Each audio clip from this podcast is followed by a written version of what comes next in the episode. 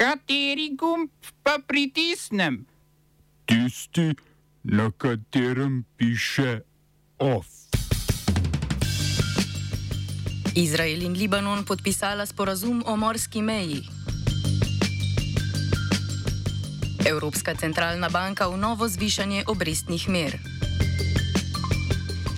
Iran uvedel sankcije proti Milanu Zveru in še enajstim europoslancem. V kulturnih novicah neprespanost ptic selivk na razstavi v Kinu Šiška.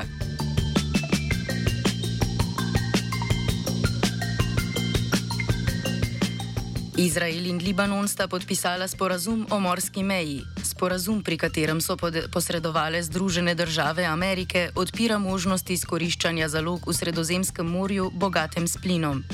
Po besedah izraelskega premijeja Jairja Lapida se ne zgodi vsak dan, da sovražna država prizna izraelsko državo v pisnem sporazumu.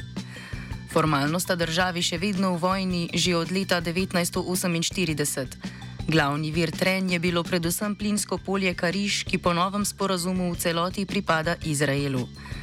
Razdelili pa si bosta dobiček od plinskega polja Kana, ki bo sicer pod nadzorom Libanona. Na tem polju mora Libanon sicer še opraviti raziskovalne dejavnosti, medtem ko je Izrael na plinskem polju Kariš začel črpati plin še pred uradnim podpisom sporazuma.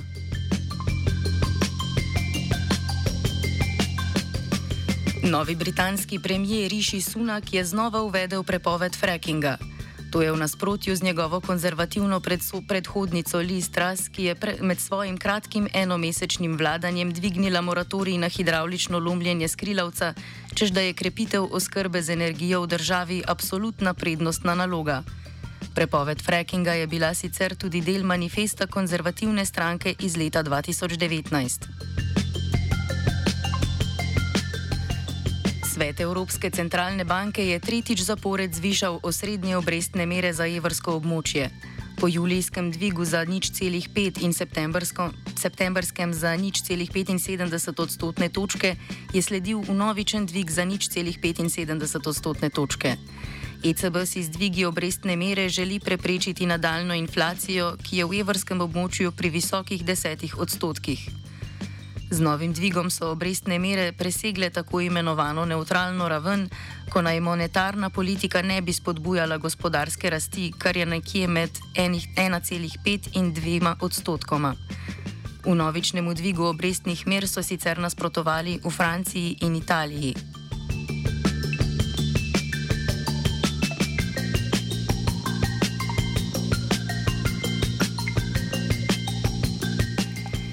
Kongres Mehiške zvezdne države Quintana Roo je potrdil dekriminalizacijo splava. Leta 2021 je Mehiško vrhovno sodišče razsodilo, da je kriminalizacija splava neustavna, a je takrat le 11 od 32 mehiških zvezdnih držav splav dejansko legaliziralo. Quintana je tako postala 11. zvezdna država, ki je legalizirala splav do 12. tedna nosečnosti in odpravila zahtevo, da žrtve posilstva za dostop do umetne prekinitve nosečnosti posiljevalca prijavijo policiji. Sicer je tako imenovani zeleni val protestov za pravico do splava zajel celotno Latinsko Ameriko in prispeval k legalizaciji, naprimer v Urugvaju, Argentini in Ekvadorju.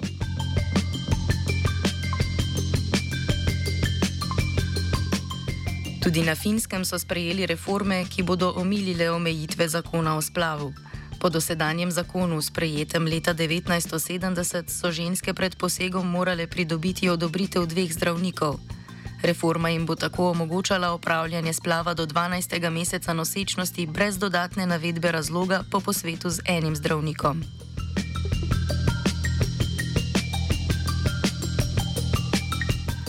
V Avstraliji je vrhovno sodišče razveljavilo sojenje o posilstvu 27-letne Britani Higgins, ki je lani sprožilo proteste po vsej državi. Higgins je posilstva obtožila nekdanjega uslužbenca konzervativne liberalne stranke Brusa Lermana, čež da jo je marca 2019 pijan posilil, medtem ko je spala na kavču v prostorih Ministrstva za obrambno industrijo. Lerman je obtožbe in samo dejanje spolnega odnosa s Higgins seveda zanikal. V sojenju je porota presojala že pet dni, a je vrhovna sodnica razrešila poroto. Eden od članov je v sodno dvorano prinesel akademsko gradivo o spolnih napadih, kar ni dovoljeno, saj bi se porota morala zanašati zgolj na to, kar so slišali med sojenjem. Ali se bo sojenje nadaljevalo, še ni jasno.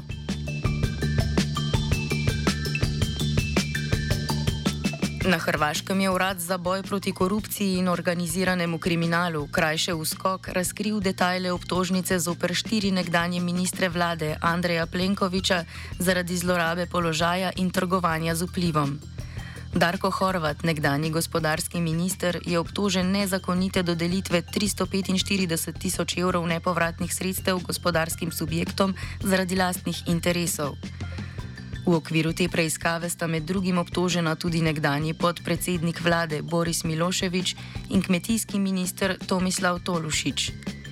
Nekdanjega ministra za delo Josipa Aladroviča v skok obtožuje, da je nezakonito zaposlil dve osebi leta 2018 in 2019, ko je bil vodja Hrvaškega zavoda za pokojninsko zavarovanje. V istem primeru je osumljenec tudi župan občine Županje Damir Juzbašič, nekdani član največje vladne stranke HDZ.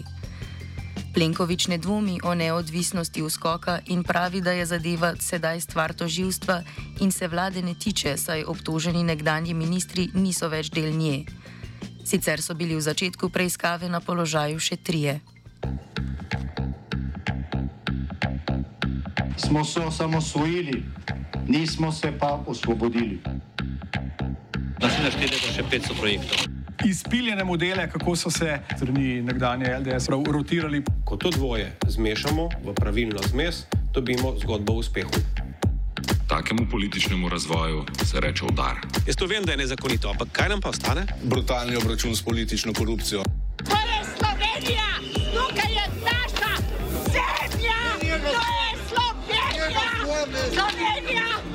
Slovenija.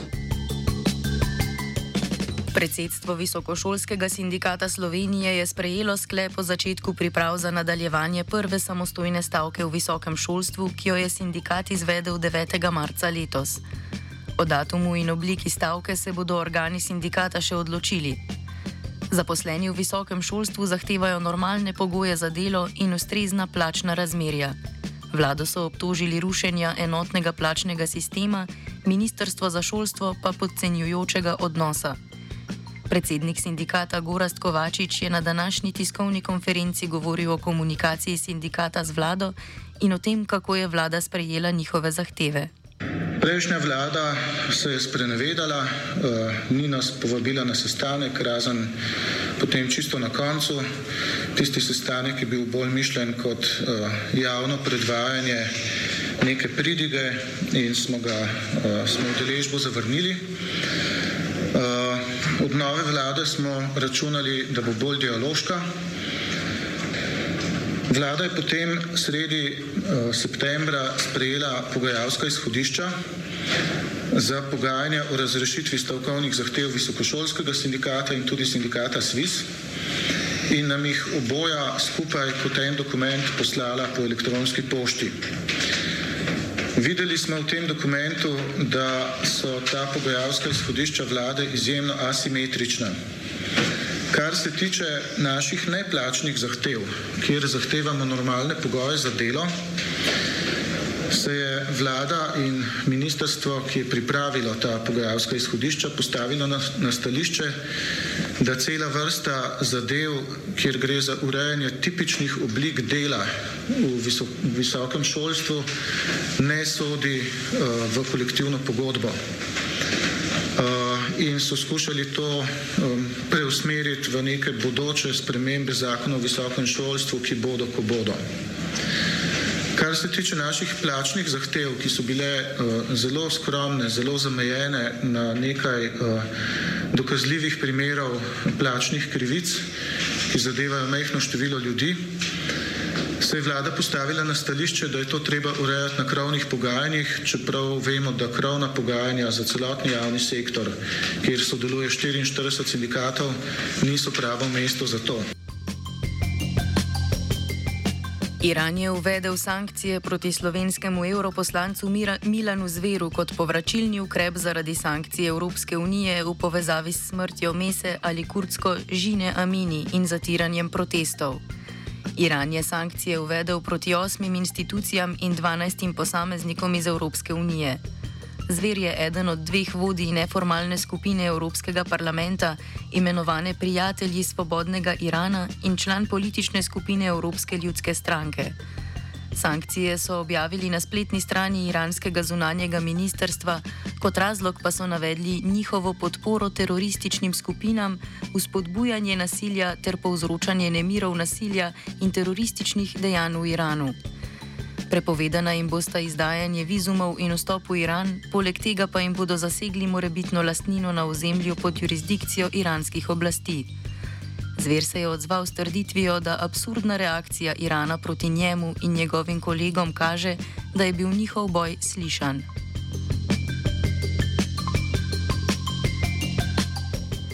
Of je pisala vajenka Zala, zraven je glumila Aida.